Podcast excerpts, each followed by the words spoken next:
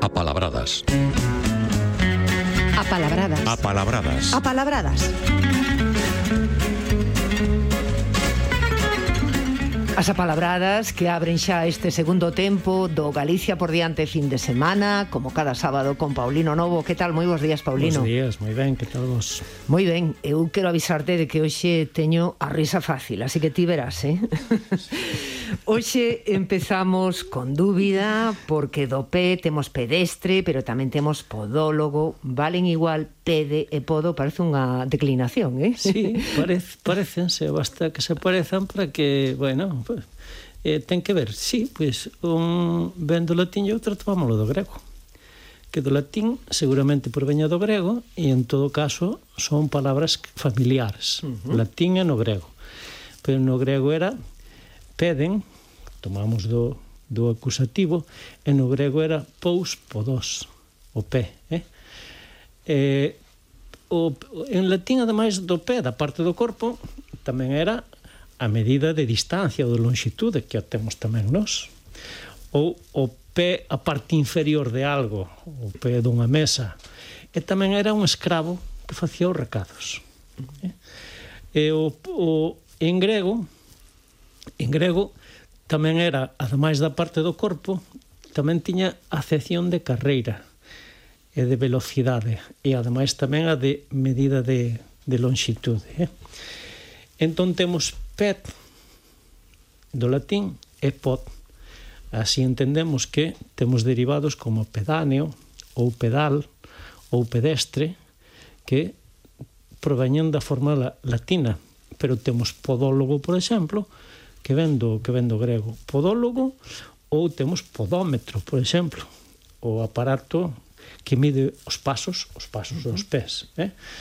Normalmente do grego son palabras máis recentes e que levan máis tempo da, da lingua ou xa patrimoniais normalmente do, do, do latín.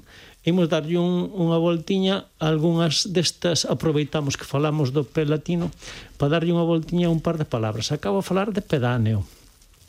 Pedáneo é o, o alcalde de barrio, un concelleiro de barrio. Hai unha palabra que temos tamén para, para este cargo que é vigairo. Vigairo que é a mesma palabra de vicario. Temos as dúas formas, a patrimonial e a culta. É o que fai as veces de, entón pode, ser, pode haber vigairos na igrexa e vigairos tamén na política en latín hoxe é o que temos nós, o pedáneo, isto, o alcalde de barrio, non? En latín o pedáneo era, e propiamente era o que tiña o pé longo. Pero tamén aplicado a persoas era os xuíces subalternos que se colocaban nos asentos baixos, o pé, no pé dos asentos. Por eso tiñan este nome. Tiñan tamén en latín eh, derivado do, do pé pedaril, que era o, o senador que tiña que ir votar a pé. Eh. Entón, o pedáneo era, en principio, que se sentaba abaixo, nos pés da bancada. Eh? E, temos, ademais de pedal e pedestre, que son así bastante obvios, que coñecemos, en latín había tamén, derivado do pé, o pedica. Pedica era un lazo ou un cepo para trabar os pés dos animais, eh? por eso trababas os pés, aí que derive de pés. E deste pédica temos unha palabra que é pexa. Pexa que usamos para ese ese tranco ou esa correa ou esa ou esa corda que coa que se atan ás veces moi indebidamente as patas dos animais para que non corran, pero que lles podemos facer moito dano. E que o digas. E figuradamente ese pexa pode tamén ser un obstáculo ou un impedimento. Eh? En, en asturiano, por exemplo, teñen a pielga. Eh? que para, para, este, para, este, para esta trampa para os animais.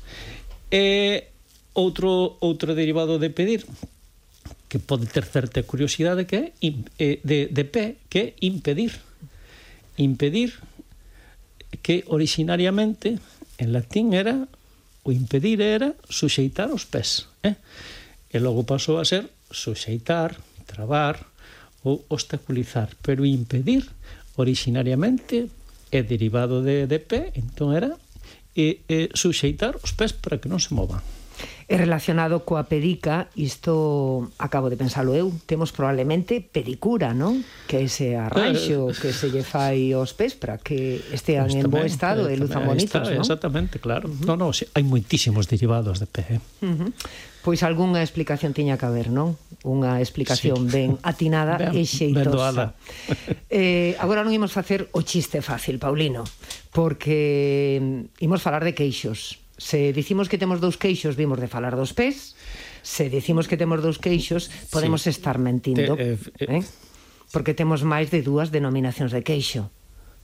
Eh, temos dúas denominacións, temos temos máis de, de dúas denominacións para o queixo que comemos, pero efectivamente queixo pode dar é unha palabra que pode significar dúas cousas. Son dúas palabras homónimas, escríbense lense das dúas, da mesma maneira, pero corresponden a dúas palabras distintas. De feito, un queixo cómese e o outro queixo móvelo para comer. Aí, aí estamos. O queixo de comer non ten nada que ver co queixo que é a mandíbula inferior, eh? a que movemos, como diste, para comer e saborear os, os queixos. Eh, o queixo ou a queixada.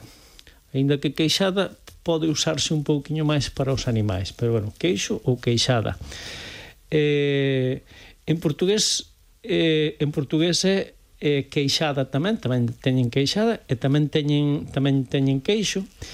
E en castelán teñen a a quijada, eh, que aplican só as os animais, aínda que tamén teñen unha forma antiga desaparecida que que que é queixo. Esta palabra, este queixo, ven dunha forma que era capseum, que significaba con forma de caixa.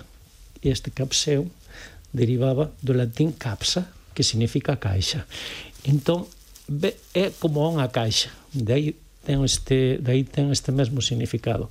O que non temos é o que teñen en castelán mentón, por esta parte da cara, e en portugués teñen tamén mento. Xa había en latín mentum, que designaba esa parte da cara, pero en galego non temos nin mentón nin mento. Pois eu de pequena rompín, bueno, tiven un problema no queixo saltando. Sí, sí, de feito teño aquí unha cicatriz que agora non ves porque leo a máscara, eh? No, no, no, no, no, no, non, no, no, no, no, no, no, no, Vasnos falar agora, Paulino, dunha palabra que eu nunca oíra, a verdade, foia, que, que é un furado na terra, pero para un uso moi concreto e que é unha palabra como fosa ou foixa, non? Outra variante. Poden valer todas as formas? Sí, imos ver todas. Fosa ou foso, foxa ou foxo, focha ou focho, e foia ou follo tamén, eh? Válennos todas esas palabras, todas son lexítimas do galego. Son evolucións fonéticas, ademais, bastante doadas, bastante doadas de explicar. Pero folla ou follo non é das máis usadas, seguramente sexa máis descoñecida e quedou reducida con un significado moi concreto. Todos son excavacións ou, ou furados na terra, eh? máis ou menos grande para distintas cousas, pero este folla ou follo quedou prácticamente só para un burato que se facía na terra para queimar leña e facer eh, carbón vegetal. Eh? E por metonimia, este folla ten tamén, a, pode aparecer co significado de a leña que se bota neste furado para facer ese carbón, ese carbón vegetal. E podía ser tamén en algún sitio registrase a acepción tamén de excavación para sepultar un cadáver. Pero en todo caso, ten o mesmo significado, furado na terra, que ten fosa, que ten foxa ou que ten focha. Uh -huh. Estamos vendo catro evolucións distintas e aínda de, de, de, da palabra de procedencia aínda hai a interdental C que ainda hai fozar con C con Z neste caso que ten que ver tamén que procede de aí tamén ou seja, que mira de unha palabra neste caso latina, que nos pode dar esta, esta variedade de, de, de, de fonemas, non? En principio, bueno, en asturiano teñen tamén foxa e folla, que les escriben con Y, eh? tamén para un furado na terra, con, distinto, con distintos usos.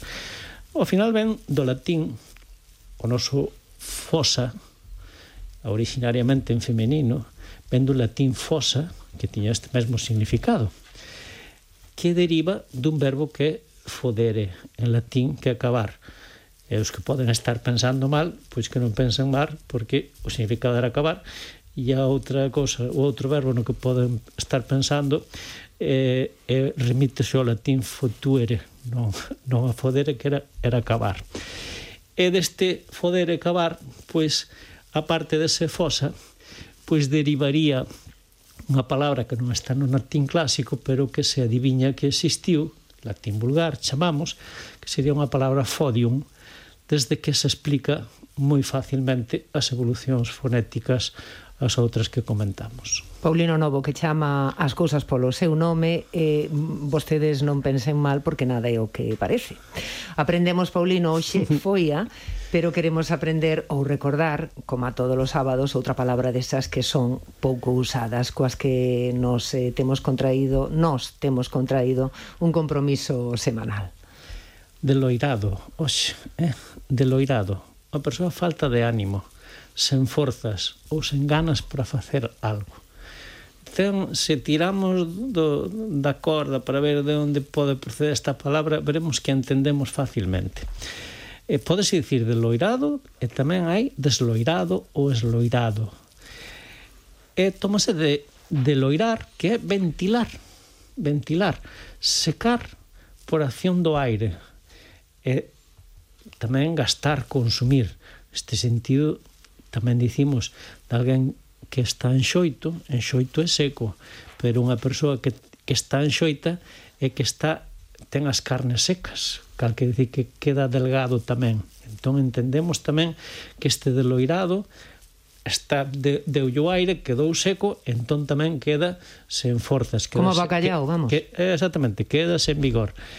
Este deloirar, a súa vez, ven dun verbo oirar, que registramos co significado figurado de eh, sufrir un vaído ou perder, ou perder a consciencia, que corresponde ao orear, ventilar en castelán, ou ourar, en portugués que tamén significa perder o sentido, pero originariamente detrás deste oirar ou ourar está o significado que ten orear en castelán que é ventilar ou dar ou dar o aire, non? Que a súa vez procede dunha, dun, unha, dun substantivo latino que era aura, que coñecemos, unha palabra que coñecemos, que significa unha brisa ou un vento suave, non? que, curiosamente, tamén en latín pasaba a ter de, de, de brisa, pasaba a ter tamén un significado figurado de alento, o que dá alento ás persoas, ou tamén a vida ou a, ou a alma. Eh? Pero bueno, de soprar, de loirado, falto de ánimo. A palabra en sí, Paulino, teño que decir que me gusta. Gústame menos. Suave, en verdad. Sí, soa moi bonita. Suave. Gústame menos o que o que significa. O que significa. Claro. En todo caso, agardo que entre a nosa audiencia non haxa xente deloirada por estes motivos. Eh? eh en no, todo caso, no. ventílase eh, cunha boa atitude. E que corra moito cos pés e que coma, mova moito o queixo para comer queixos e non caia nas follas. Grazas, Paulino, e que teñas un bo sábado, como sempre. Igualmente ti e todos e todas as que nos escoitan.